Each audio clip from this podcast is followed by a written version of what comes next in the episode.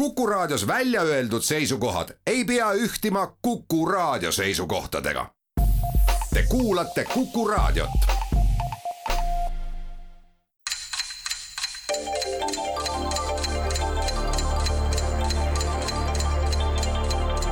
tarkade klubi targemaid küsijaid toetab lisateadmistega Postimehe raamatukirjastus tere taas, Kuku raadio Tarkade klubi tervitab häid kuulajaid jõulukuu teisel laupäeval, Nigula ja Luutsipäeva vahelisel ajal, kui ilmselt paljudel meist ja teist on emotsioone kas sees hoida või välja näidata keskmisest enam ja keskmisest enamas tunnete paletis sellest helgemast poolest alustades, kui noorematel meie seast on käes see aeg, kui kõrvuni ulatuv naeratus ei taha kaduda nägudelt küll lihtsasti lunastatud Tallinna vahvlikommide, rooliga kelgu või magnetklotside komplekti pärast või hoopis maha sadanud ja haruldaselt kauaks ka maha jäänud lumevaiba pärast, mis sellele samale rooliga kelgule tegevust annab ja vanematele nõlva otsas ka mahedat külmetamise aega aga skaala teises otsas, seesama lumi, mis urbanistlikus keskkonnas paneb päris kindlasti motoriseeritud või ka jalgsi liiklejad kõrbedusi väljendama vastavate kommunaalinstitutsioonide aadressil. Kui veel otsaga meeleheitesse kalduda, siis küllap tuleb ette see tunne tuttav ka headele tarneahela spetsialistidele ja ettevõtetele, kes nüüd vist juba iga tunni järel pommitavad subjekte ahastavate telefonisõnumitega, et tulge ometi oma pakkidele järele meil siin Tarkade klubis nüüd nii kiire ka ei ole. taskuhäälingu tingimustes saab meid alati pausile panna ja raadioeetrist ka järele kuulata ja loodetavasti on head kuulajad emotsioonide selles jaos, kus pulsikiirust mõõdetakse harva üle kuuekümne. selle eest kannavad hoolt teiste seas ka meie tänase saate mängijad, armastatud Tarkade klubi külalised. Tartu stuudios kallid geograafid Tartu Ülikoolist kaasprofessor ja pühade aegu ka oma kalendrisse üha rohkem esinemisi mahutava ansambli Jaan Pärn ja Pahad seemned solist Jaan Pärn. tervist! ja samuti kaasprofessor, paljude ühiskondlike ning teaduslike komisjonide kas esimees või liige, viljakas teaduse populariseerija ja kartograafia publitsist Taavi Pae. tere! Taavi autorlusel on neil päevil muide Postimehe kirjastuse väljaantuna välja tulnud taas üks atlas pealkirjaga Viguriga kaardid, nõutega parimatest poodidest meie Tallinna stuudios on aga üle mitme aja hea meel tervitada taas armastatud mängijate paari, majandusinseneri, Vikipeedia administraatorit, auhinnatud ulmekirjanikku ja meistrikandidaati Kabes Taivo Risti. tere! ja Eesti kaasaja kunsti- ja ehitusmeistrit Martti Suurorgu. tervist! hea meel, et te olete meiega. tänase saate kümme ettevalmistatud küsimust on jagunenud järgmiste teemade alla. ma olen Tartu ja sina oled Tallinn. Slava Ukraini, geograafia, kulinaaria ja vaaria küsimuste autorid on Kivimäe kooli ajaloo ja ühiskonnaõpetuse õpetaja Margus Pillau, raadiokuulaja Priit Vare, Ingliranna patrioot Enno Sivadi ja mälumängusõber Valeri Küpsis alustame ja anname avavaliku õiguse headele Tartu kaasprofessoritele. Jaan ja Taavi, palun. no mind kohe hakkas äh, huvitama Tartu-Tallinn, sest ma olen pool elu elanud Tallinnas ja teise poole Tartus, et see peaks mulle sobima. kumba rohkem on juba? nüüd on juba Tartut mõni aasta rohkem. see küsimus on siis järelikult kümnes ja tegelikult mõeldes korraga Taavi avalikele esinemistele, võib-olla ka Taavile sobiv.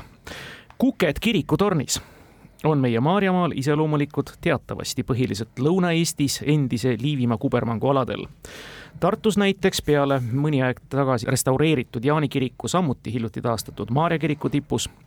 Eestimaa kubermangu territooriumile jäänutest on hommikune ärataja Kirbla, Kose, Noa-Rootsi pühalepa ja Türi pühakodadel ja mõnel nendest ka Ristiga ühes ja isegi ka ühe Tallinna kiriku tornikiivri ehteks, kuigi ajalooliselt on neid pealinnas olnud rohkemgi ja me küsime, millisel Tallinna kirikul praegusel ajal siis risti all uhkelt valves olles ka kikas ilutseb.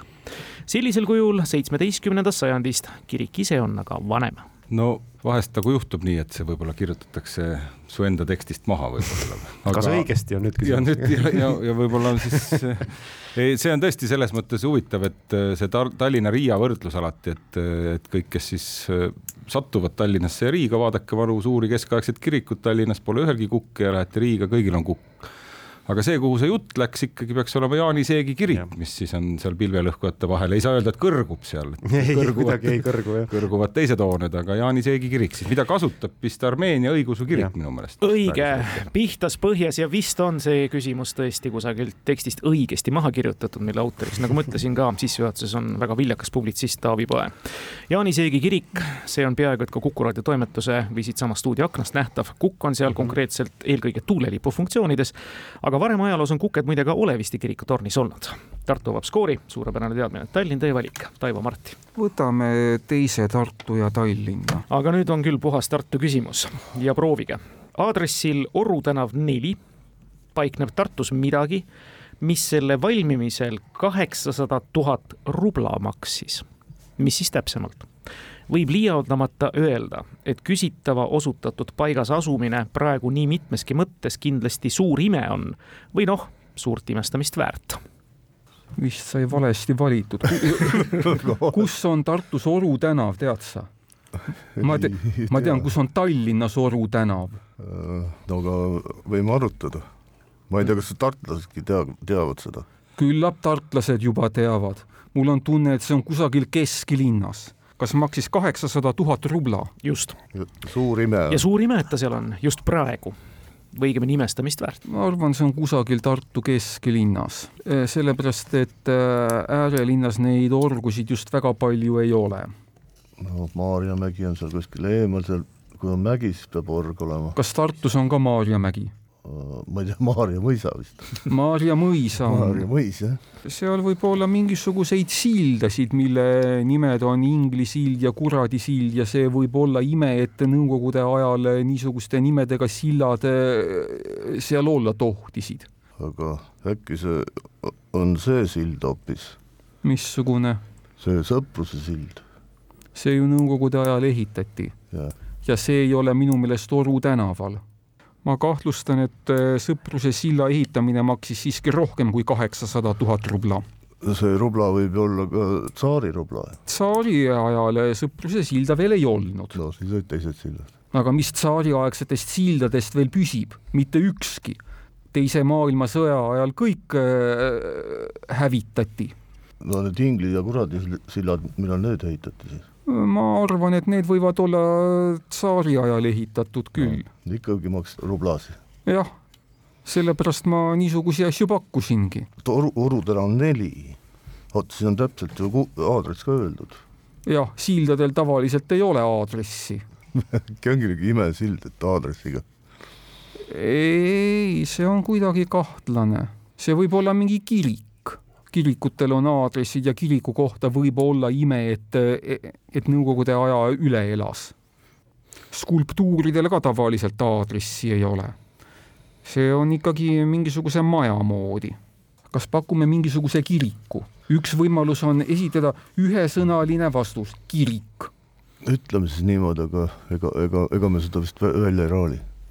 jah, ühesõnaline vastus, kirik vot see on ilus vastand täpselt Andres Keilile Tartus, kes väga-väga mitmesõnalisi vastuseid esitab ja proovib sedapidi punkti püüda. ei ole kahjuks õige vastus ja palun, head tartlased, suur tüki tuld nüüd. nojah, aga me jäime siin ikkagi väga paljudesse, no Muide, loomulikult üks... me teame, kus on Oru tänav muide, üks asi, mis on, on?, Timo praegu ütles, ja me teame, et Oru tänav on selline lühike maaliline tänav Tartu noh, sisuliselt kesklinnas ehk siis toome, toome orgu alla. Kassitoome kõrval. Kassitoome juurde viib katoliku kiriku juurest, katoliku kirik, ma arvan, et ei ole õige vastus, sest et Timo kiriku peale ja, ei, ei liigutanud äh, oimu. Üks huvitav asi, mis Timo ütles, suur tüki tuld, tegelikult seal Oru tänaval on üks huvitav suurtüki alus küll mingisugune vana või seal on üldse need äh, kassitoome on ju kaevatud äh, selleks, et Rootsi ajal neid suurtüki bastione või suurtükke. no üldse lihtsalt saada kruusaauk noh aga, aga nüüd. Äh, küsimuse juurde. küsimuse juurde jah, et Oru neli, kuna me vastust kohe ei tea, hakkas see, et kumba pidi Oru tänav äh, kulgeb, eks ole, kuna ta on nii lühike tavaliselt. ei hakkavad..., kumba pidi numbrid kulgevad. ja siis aga, Tartus kulgevad teistpidi kui Tallinnas, eks ju, ja, ja aga ma arvan, et Oru tänava järgi üldse aadresse on väga vähe ja ma jäin mõtlema siis, et seal on üks kuulus maja, Ants Piibu maja, mis oli nõukogude ajal. Oru villa vist ja, praegu. aga äkki see on Oru kaks siis näiteks, kui me niipidi läheks ja siis äh, Tallinnast käis läbi skulptuur ja nüüd, kui ikkagi see kõik läheb, kanaliseerub sinna, et see on siis kuulus skulptuur Meelis ja Vjatško, mis on põhjusel seal, et üle tee asus seal kunagi Tartu linnamuuseum, aga seda, selle vastu räägib see kaheksasada tuhat rubla, ükski skulptuur no. ei saa maksta ei no No- oleneb ajast, et kui see oli viiekümnendatel Aga- näiteks enne rahareformi, mil, mil peale seda tõmmati üks-null maha rubla.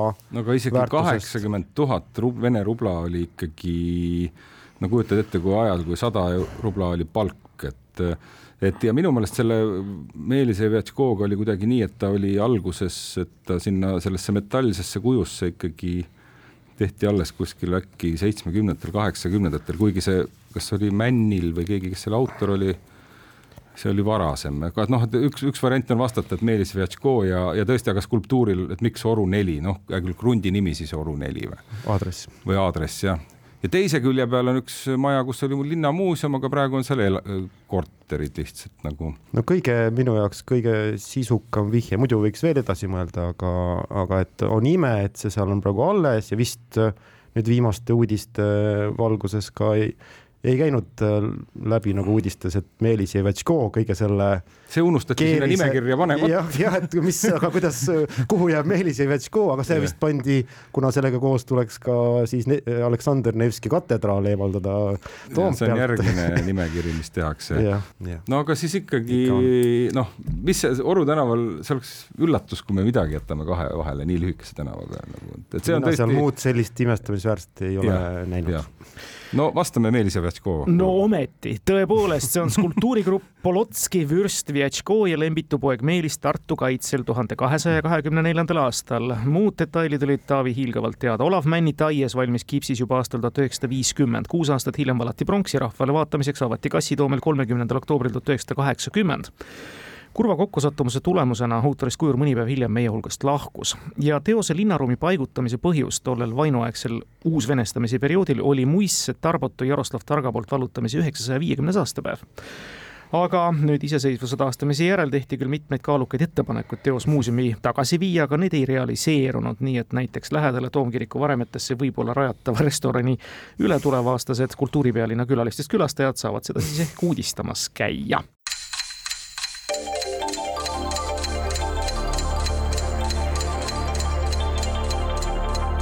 tarkade klubi. targemaid küsijaid toetab lisateadmistega Postimehe raamatukirjastus kaks-null, Tartu on läinud siis Tartu-Tallinna küsimustega ette, ehkki mulle tundub, et siin on mõlemad olnud väga Tartu küsimused. saate valida, Jaan ja Taavi nüüd. kulinaariasse läheks kohe ikkagi. kõhud tühjad, ma saan aru, jah Ja. mm -hmm. jah. Jaapanikeelne väljend kitsukatsu kõlab eesti keeles toredalt ja tähendab tõlkes ma loodan, et sa võidad või laiemalt ma loodan, et sul läheb hästi sümbolväärtustesse vägagi uskuvad Jaapani abituriendid on seeläbi eksamitele minnes alati kaasa võtmas omamoodi talismanina, aga ka praktilise väärtusena just seda Nestli ettevõtte tuntud toodangut. millist toodangut, kõlab küsimus ja nimetage kaubamärgi täpsusega. ka meie kaubandusvõrgust on see üsna tuttav ja leitav. Nestle, see No kõik, Nest- kõik on Nestle. päris kõik ei ole, kõige osad on tuntum asi, Orkla ka jah. no aga kõige tuntum asi on ikka šokolaad või kohvi, aga üksi nendest nagu ei ütleks, et kohe, et Aga- aga... loodan, et võidad ja aga no pigem ikka mingid, kas need ei ole igas Snickers ja Mars ja mingid sellised äh, toote täpsusega, kas toote täpsus ongi siis ikkagi nagu... kaubamärgi täpsus, kaubamärgi. No selles mõttes Snickers läheks täppi. jah. aa, läkski jah?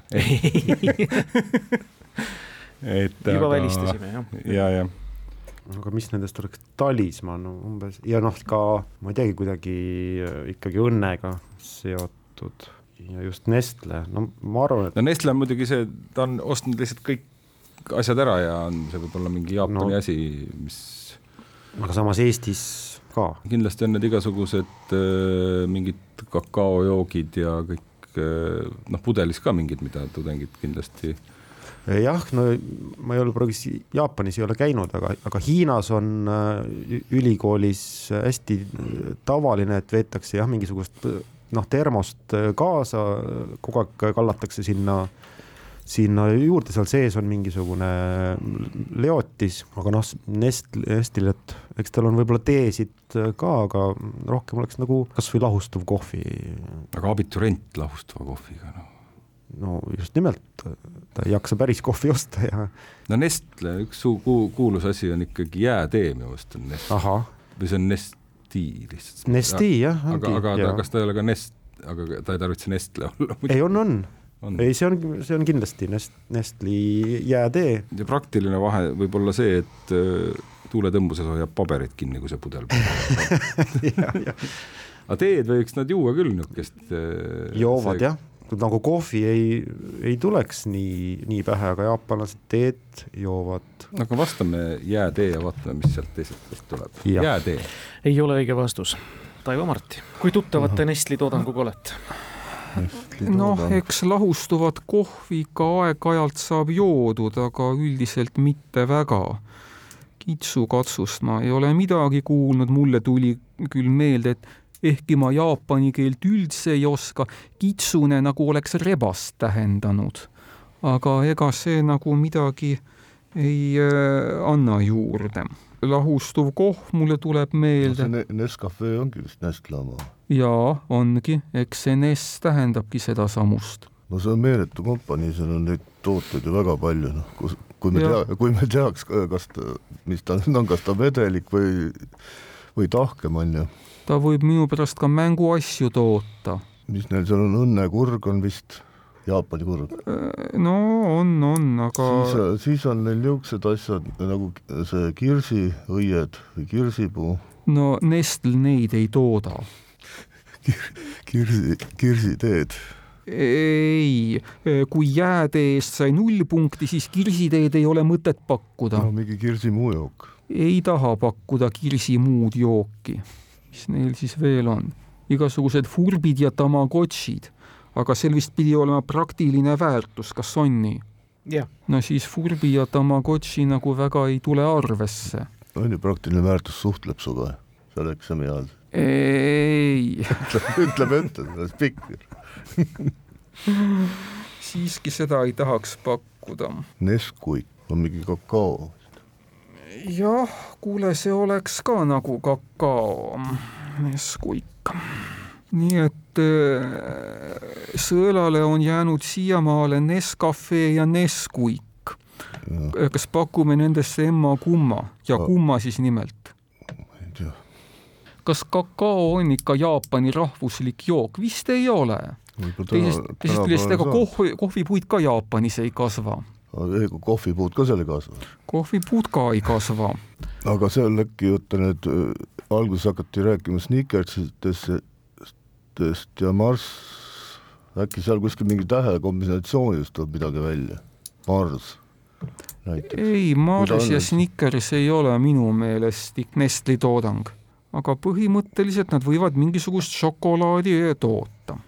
ainult et siin nimetatakse, tahetakse kaubamärgi täpsusega. Aga mis kaubamärgi täpsusega šokolaadi me, me siis mm, võime pakkuda? ei, Geishat toodetakse, võib-olla Geisha on Nestli toodang. peame umbes samamoodi vastu, nemad pakkusid teed ju. Äh, Nemad pakkusid jääteed, nii et äh, küsimus on, kas me pakume mingisuguse geisha šokolaadi või, või, või mingisuguse äh, Nescafe või, või, või Nesquiki. Keissa toob õnne. no ega ta õnnetust ka ei too. ma ei tea, pakume siis äkki, äkki on õige. pakume geisha šokolaadi. te pakute väga lähedale, ei ole kahjuks õige vastus. šokolaadis käib jutt tõepoolest. Võti peitus küsimuse lahendusel väljendis kitsukatsu, see on piimašokolaad KitKat, mis kasutab sarnast tähekombinatsiooni. seda oleks küll viieaastane ka teadnud. täpselt, aga nelikümmend pluss vaata ei, ei pruugi teada. ega midagi, Taivo Marti, teie valik. kas võtame Ukraina või, või geograafia? ma ei tea, Ukraina vist. võtame Ukraina. ja, ja Ukraina küsimus. see Ukraina linn, mida on nüüdse agressiooni aegu palju tundma saadud ja millest on palju räägitud, on oma nime saanud prohvet Muhamedi nime järgi, põhjustel, et selle Ukraina linna asutasid kuueteistkümnendal sajandil moslemitest tatarlased.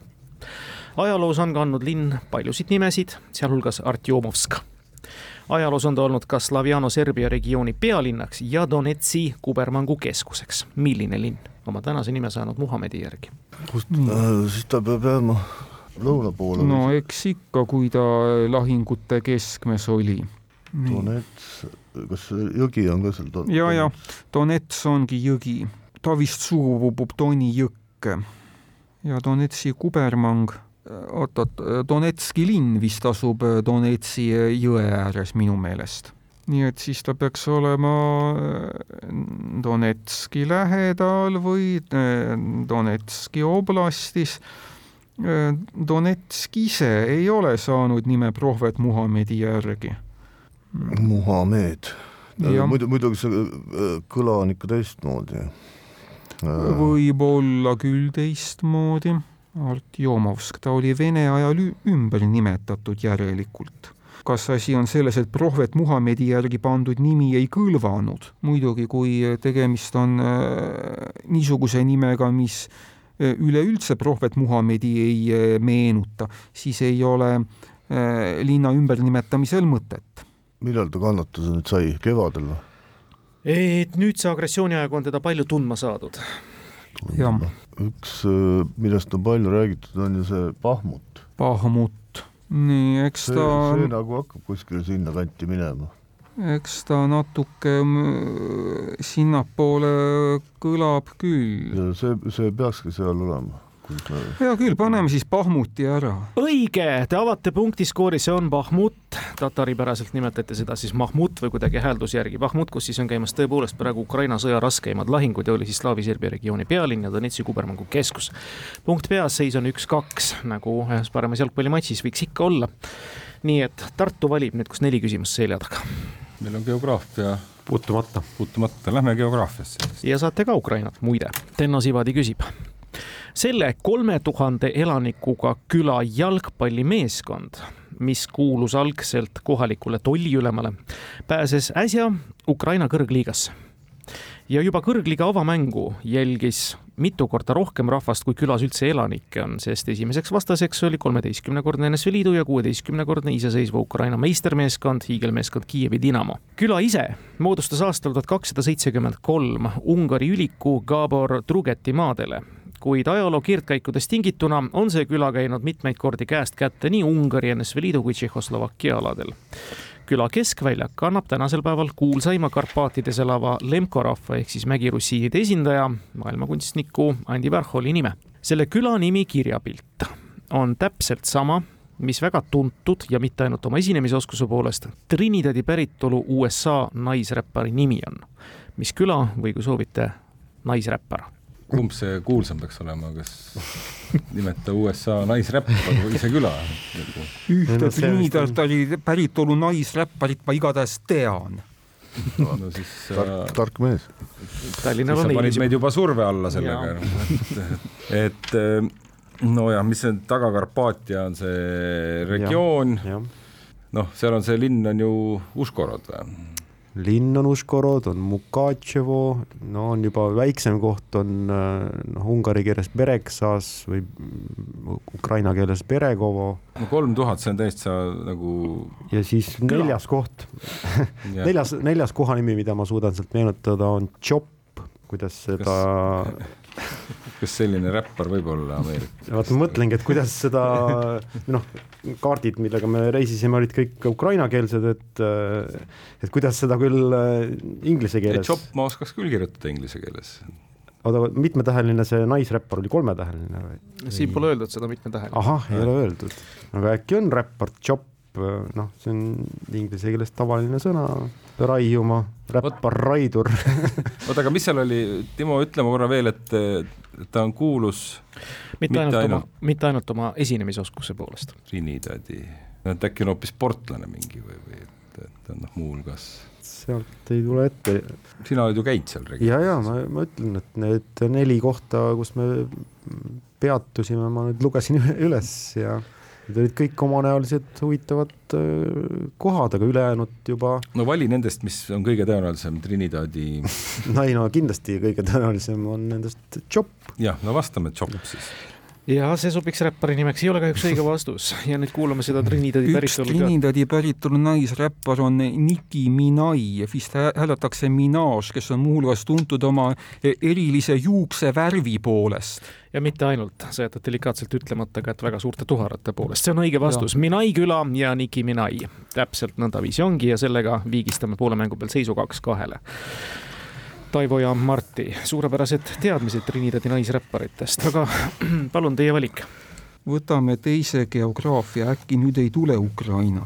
ei tule, sedakorda mitte, me siirdume teise otsa maakeral. Tenno Sivadi jälle küsib. sellest endisest presidendist sai Paraguay rahvuskangelane pärast seda, kui ta lahendas pikaajalise territoriaalse vaidluse Paraguay ja Argentiina vahel paraguaylastele soodsalt Paraguay sai endale suurema osa Hatunchaku stepitasandikust, kus loodeti leida naftat ja mis suurendas ka riigi pindala lausa kahekordseks selle presidendi nime kannab suisa üks Paraguay maakond, mis muide pindalalt on Eestist kaks korda suurem. ja loomulikult kannab ka maakonnakeskus selle presidendi nime. mees oli isegi nii populaarne, et aastal tuhat üheksasada viiskümmend kaks tuli tema nimeline Asuncioni linna jalgpalliklubi riigimeistriks see president oli oma riigis president aastal tuhat kaheksasada seitsekümmend seitse kuni kaheksakümmend üks ja kõige muu hulgas keelustas ta ka presidendi palees alkoholi tarbimise ja me küsime, millise riigi president on siis Paraguay rahvuskangelane? et millise riigi president on Paraguay rahvuskangelane? ja selline küsimus, jah. kas sa näe, välisriigi president tõsi küll, seda ei ole öeldud, et välisriigi president, aga ma siiski arvan, et küsimuse põhjal see ei ole Paraguay president. mis aasta, mis, mis ajal seal need riigid hakkasid äh, kujunema? Lõuna-Ameerikas tuhande kaheksasaja kahekümnendatel juba. Paraguay oli sel ajal juba mingi viiskümmend aastat iseseisev. siis piirid olid seal enam-vähem paigas, nagu meie pealt näeme? enam-vähem, mitte lõpuni, nad on pärast seda seal muutunud küll. nähtavasti ta siis kutsuti mingit piiritüli lep-, lepitajaks, nii nagu äh, see oli vist Laidoner, kes käis Iraagi äh, riigipiire määramas ja piiritüli lepitamas ainult äh, Iraagis ei ole mingit Laidoneri jalgpallimeeskonda ega jalg ega Laidoneri maakonda, kuigi võiks olla visaks küll nalja kui niimoodi kantakse. aga kaugelt see lepitaja siis tuli? Muidugi tuhat kaheksasada seitsekümmend seitse kuni kaheksakümmend üks. kes oli siis USA president, ma küsin? me küsime siis riiki, mitte presidenti. siis ilmselt ongi USA president. oot-oot-oot, mõtleme veel tuhat kaheksasada seitsekümmend seitse kuni kaheksakümmend üks, sel ajal Prant-, maailmas ei olnud väga palju presidente. Prantsusmaal oli president, aga see on kuidagi natuke imelik seal olid Thier esimene ja teine oli McMahon. McMahon ei sobi eriti hispaaniakeelse riigi jalgpalliklubi nimeks. ma ei mäleta enam, kes tuli pärast teda ja Ameerika Ühendriikides oli president. oleme suutnud välja mõelda kaks riiki, kus tollal oli president. tegelikult enamikus Ladina-Ameerika maades olid tollal presidendid. jah, enamikus olid presidendid. nii et Ladina-Ameerika on kolmas see tähendab, et Euroopa võib siis nagu maha tõmmata sobivate presidentide puudumise tõttu. nii, siis jäävad, jääb ainult Ameerika ikkagi kaldun arvama, et see on USA president. õigesti kaldud ja see on tõepoolest Ameerika Ühendriigid, kes siis muu maailma politseinikuks juba siis, nendel aegadel. Rutherford Burkhardt Hayes oli see üheksateistkümnes USA president, kuid omal maal on ta suhteliselt unustusse jäänud. Paraguay's on ta siis rahvuskangelane, tema nimeline maakond on siis president Hayes, seitsekümmend kolm tuhat ruutkilomeetrit ja sada kakskümmend tuhat elanikku keskusega Villa Hayes. seitsekümmend aastat tagasi tuli siis Paraguay meistriks klub Presidente Hayes pealinna Asuncioni Tacumbu linnaosast ja selle klubi hüüdnimi muide on Los Yankees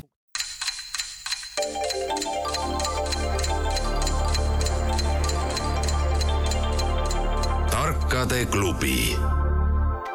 targemaid küsijaid toetab lisateadmistega Postimehe raamatukirjastus.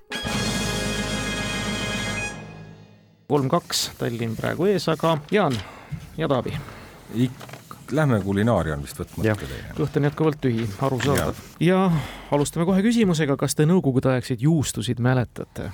Sorti oli muidugi palju vähem kui praegustes peenetes poodides, aga meenuvad muljetavaldavad robustsevõitu kollased kerad, hiiglaslikud valendavad kuubikud või punase kilekattega jämedad silindrid leti taga riiulitel ja kenad müüjad tõrid neid suurte nugadega jõuliselt lahti lõikamas. Julia küsimus aga on mida erilist ja tänapäeval kordumatut, eriti tolleaegsed lapsed, aga miks mitte ka mõnedki suured inimesed nende juustedega seoses sageli kollektsioneerimise objektiks võtsid? mina tean.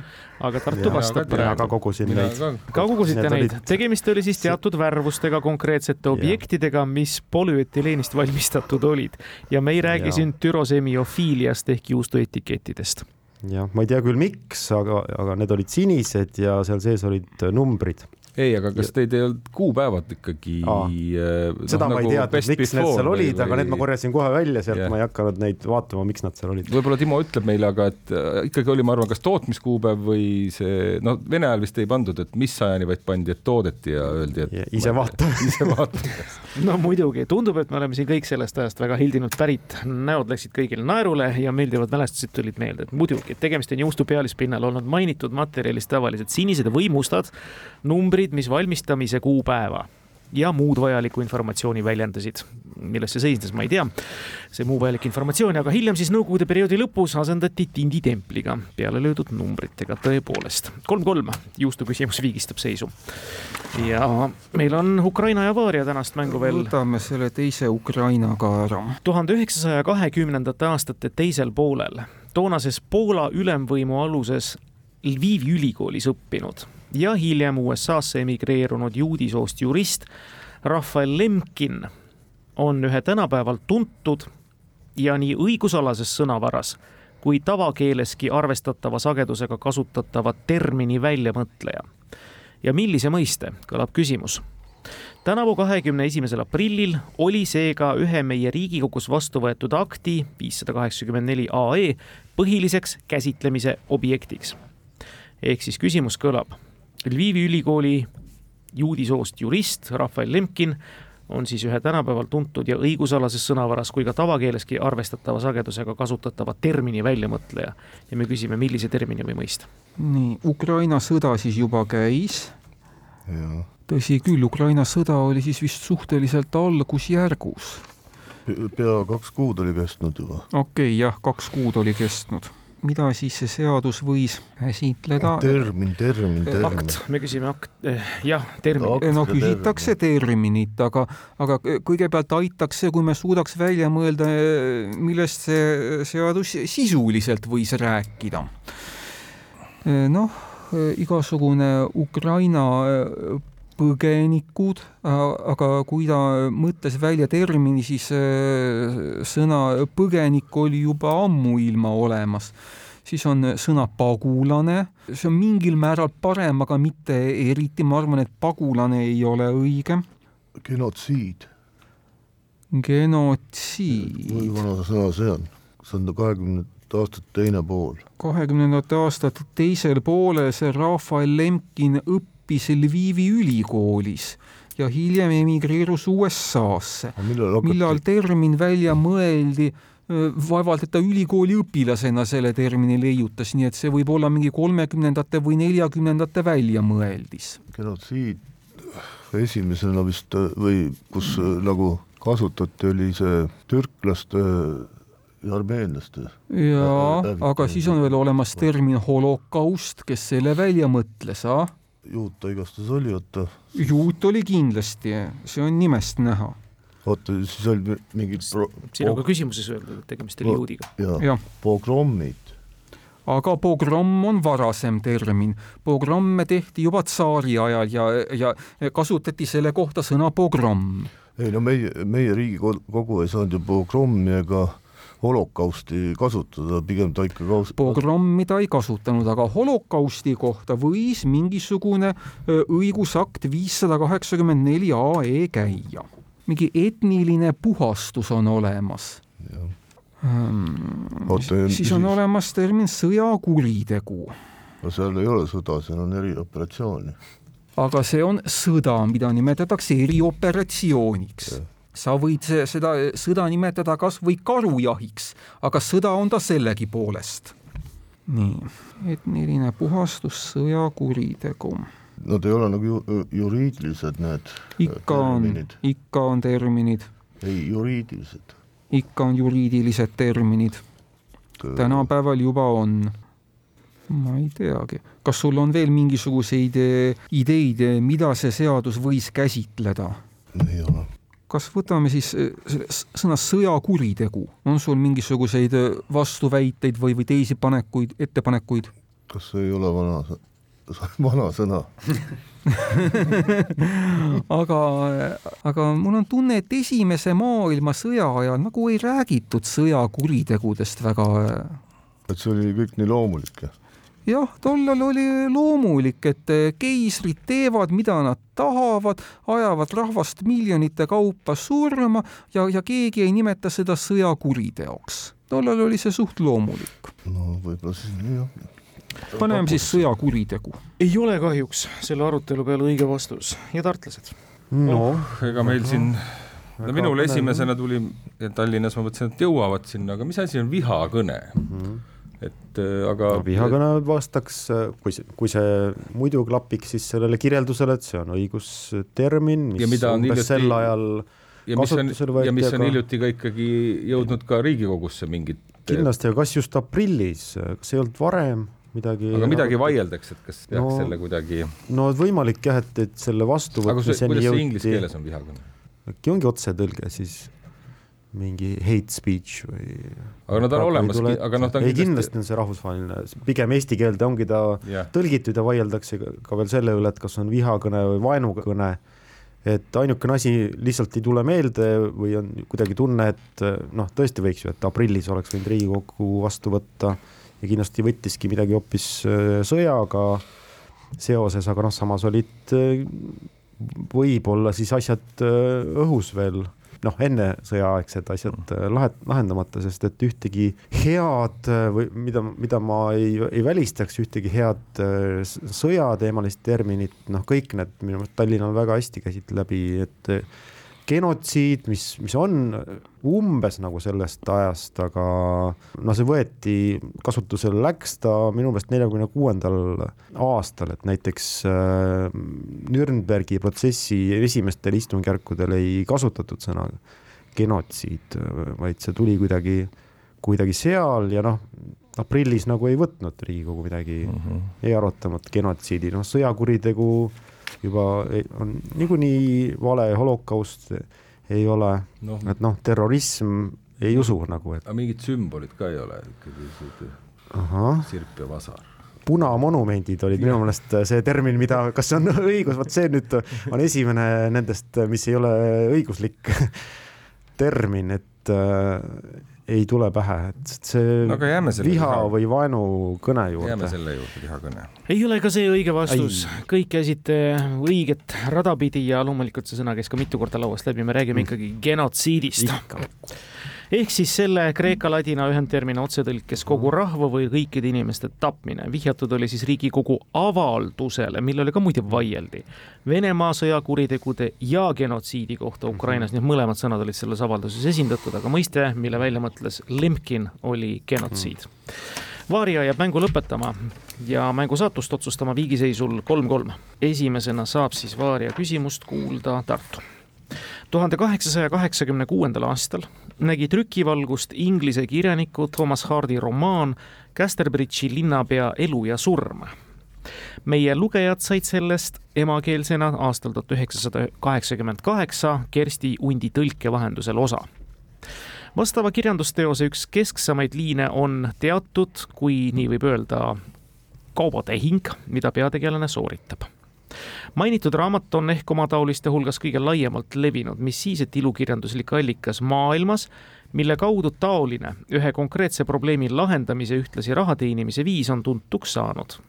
aga põhineb see tõesti sündinud lugudel, mis Inglismaal, aga näiteks ka Walesis ja Šotimaal selleks ajaks juba sajandeid oli aset leidnud vihjatud tehingud toimusid sageli turgudel, mõnikord ka avalike oksjonite kaudu ja küsimus kõlab, ehk oskate vastata, millest jutt käib? selle aja prantslaste jaoks oli näiteks siinkohal välja selgitatava vastuse sisu inglaste kui naabrite tögamisel üheks meelisteemaks. mis laadi kaubandusega. Jaan, sina oled ikkagi Inglismaa ja Suurbritannia spetsialist no olen jah, see tundub väga spetsiifiline, Inglismaa spetsiifiline asi, millest, mida enne kaheksakümne kaheksandat aastat ehk laulvate revolutsiooni polnud mõtet või võimalik eesti keelde tõlkidagi, kuna see oleks nii võõras asi olnud, keegi poleks arugi saanud või siis midagi sellist väga siivutut, keelatud, mida no, suudeti. nojah, aga samas, mida siis eestlased oma keha igasugust asja müüa, no üks asi on muidugi kehaosade müümine, äkki Eestis ei olnud väga elundi doonorlus tuli äkki teemaks ju sel ajal. turu peal? No keskajal neeru müümine mina ei välistaks äh, seda ja noh li, lihtsalt, et et ütleme, kui me kehast räägime, keha müümisest, siis äh, kindlasti prostitutsioon ei olnud äh, Eestis mingi uudis. Aga no kas kõlaks nagu võib-olla mitte kõige huvitama vastusena, aga orjakaubandus näiteks mm, -hmm. et, et mhm. võib-olla ühe ilukirjandusliku teose järgi äh, seletatakse tänapäeval kogu, et kuidas see käis ja see oli kindlasti oksjonitel, turgudel ja et võib-olla see trikk ongi selles, et meil on et see ilukirjanduslik teos on kõige mhm. tõetruum nagu orjakaubanduse kirjeldus ja kõik no, sellest lähtuvad see.... ja sealt on võib-olla läinud mitmed isegi artefaktid levima, et noh, tundus mm -hmm. nii mhm. usutavalt kirjutatud. no see jah, ei välista orjakaubandust, see sõnastus jah, pakume siis seda. no pakume orjakaubandust. Tallinn midagi ei öeldud. üks inglise komme, mida mujal maailmas eriti ei esinenud, oli naise müümine. vaat see on täpne vastus ja see annab täispunkti. oleks ma midagi muud kuulnud Tallinna poolt, oleks Tartu saanud äkki pool punkti kätte, kui ma oleks seal nihverdanud. see on tõepoolest oma isikliku naise abikaasa stiilis müük. abielumees, kes oma seaduslikust naisest soovis vabaneda, müüs ta lihtsalt kui liikuva vara kellelegi maha Inglismaal tõepoolest see komme oli. ja põhjuseks ja aluseks oli see, et varasematel sajanditel võis abielu ainult kiriku kohtuotsusel lahutada, aga kuna vastavad lahendid olid tegelikkuses väga harvad, tuli seejärel kõnealuseks toiminguks loa saamiseks spetsiaalselt parlamendi poole pöörduda ning alles üheksateistkümnenda sajandi keskel võeti sihtotstarbeline lahutamisseadus vastu, kuid vähekindlustatutele jäi ka selle järel lahutamine rahaliselt liiga kalliks. meie jaoks üllatavalt olid aga paljud naised tollal nende tehingutega meeleldi nõus, see oli neile kui materiaalset iseseisvust mitte omanutele ebaõnnestunud abielust vabanemiseks sageli ainus viis. Hardi romaani vastav süžeeliin oli siiski palju komplitseeritum ja dramaatilisem, aga võtke raamat kätte ja lugege. nii et Tallinnale igati õigustatud punkt. Taivo, kas sa oled seda raamatut lugenud? ei ole, ma pole kuulnudki niisuguse olemasolust aga see fakt oli hästi teada. aga kirjanikust ma olen vähemalt kuulnud. Tallinn neli, Tartu kolm ja mängu viimane küsimus. see tuleb raadiokuulajalt Priit Varelt ja viib meid infotehnoloogia maailma. küsimus kõlab. selle infotehnoloogia maailmas tuntud ja peamiselt inglise keeles kasutatava mõiste esmamainimise kohta on palju viiteid ja allikaid ühtede sõnul pärineb see juba tuhande kaheksasaja seitsmekümnendatest aastatest, kui mõiste olla kasutusel olnud insenerteaduste žargoonis üks ja levinumaid teooriaid kõneleb aga tuhande üheksasaja neljakümne seitsmenda aasta septembrist, kui Ameerika Ühendriikidest Virginias asuvas relvakonstruktsioonibüroos ütles üles üks elektronlampidel töötav hiigelarvuti. taas kord. probleem leiti üles tegemist oli fauna esindajaga, mis füüsiliselt halvas arvuti töö ja andis siis ühe versiooni kohaselt ka nime tollele mõistele, mida IT-maailmas tänini laialdaselt kasutatakse. mis mõiste? Inglise keeles on bug tähenduses arvutiveana. Õige, see on bug ehk tarkvarasüsteemis enamasti või arvutiveana otsetõlkes siis putukas ja Virginia arvutisse oli lennanud sisse ööliblikas. ja jäänud mingi lüliti vahele ja, ja sinna ära surnud. no hiilgav, tundub, et see fakt on ka kusagilt juba loetud või no saadud. ma olen äh, seda õpetanud Tehnikaülikoolis kümme aastat selge, millest me siis räägime. aga kuidas see eesti keeles on? ongi paak. viga. viga, aga kasutatakse ka eesti keeles mõistena paak. küsimuses oli ka öeldud, peamiselt inglise keeles kasutatav mõiste. väga viljakas mäng. Tallinn rebis ennast dramaatilisel moel null kaks kaotusseisust viis-kolm võiduni väga tore on olnud teiega ja kaks küsimust ongi vastuseta meil jäänud. mis nüüd teie, head mängijad, arvates täna siis kuulutest parim oli? no üks tuumakas küsimus oli ikka see genotsiid. tegelikult KitKat mulle meeldis, kitsu-katsu ja KitKat see oli niisugune tõmmekas jah. see oli tõmmekas. vastus oli nagu silmade ees aga olgu siis KitKat ja olgu siis ka genotsiid. see genotsiidi küsimus tuli meile siis Margus Pillault ja see küsimus autorit tutvustamata, see oli ka üks kulinaarse nimega kuulaja, Valeri Küpsis, kes KitKati küsimuse meile saatis. ega midagi, suur aitäh teile, Jaan-Taavi Tartusse, ilusat ja rahulikku jõuluaja jätku ja sama soovides ka Tallinnasse, aitäh, Taivo ja Martti, kuulmisteni. aitäh. hoolega hoitud auhinnad toob kohale Smartpost Itella. Lõpetame saate nagu ikka kuulajamänguga. eelmisel laupäeval lõpetas saate küsimus, kus tahtsime teada, kuidas Nicaragualased isekeskis endid kutsuvad. tulenevalt sellest, et küsitavat riigis palju kasvab ja isegi samanimelised saared on olemas lisavihjeks andsime ka, et üks Stephen Kingi jutustus ja selle põhjal valminud film kannavad sama nime.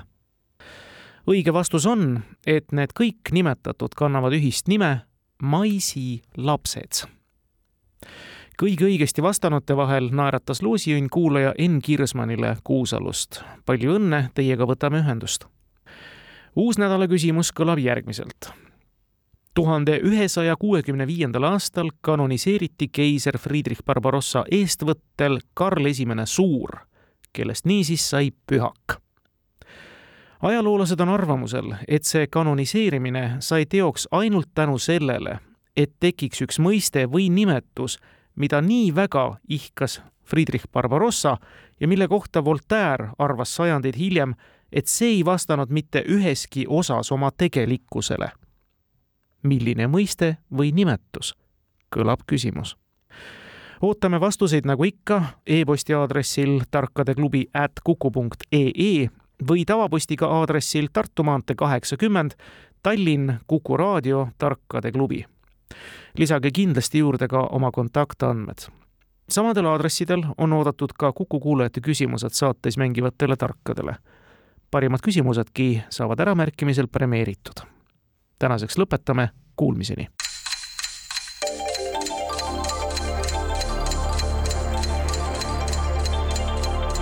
tarkade klubi. Targemaid küsijaid toetab lisateadmistega Postimehe raamatukirjastus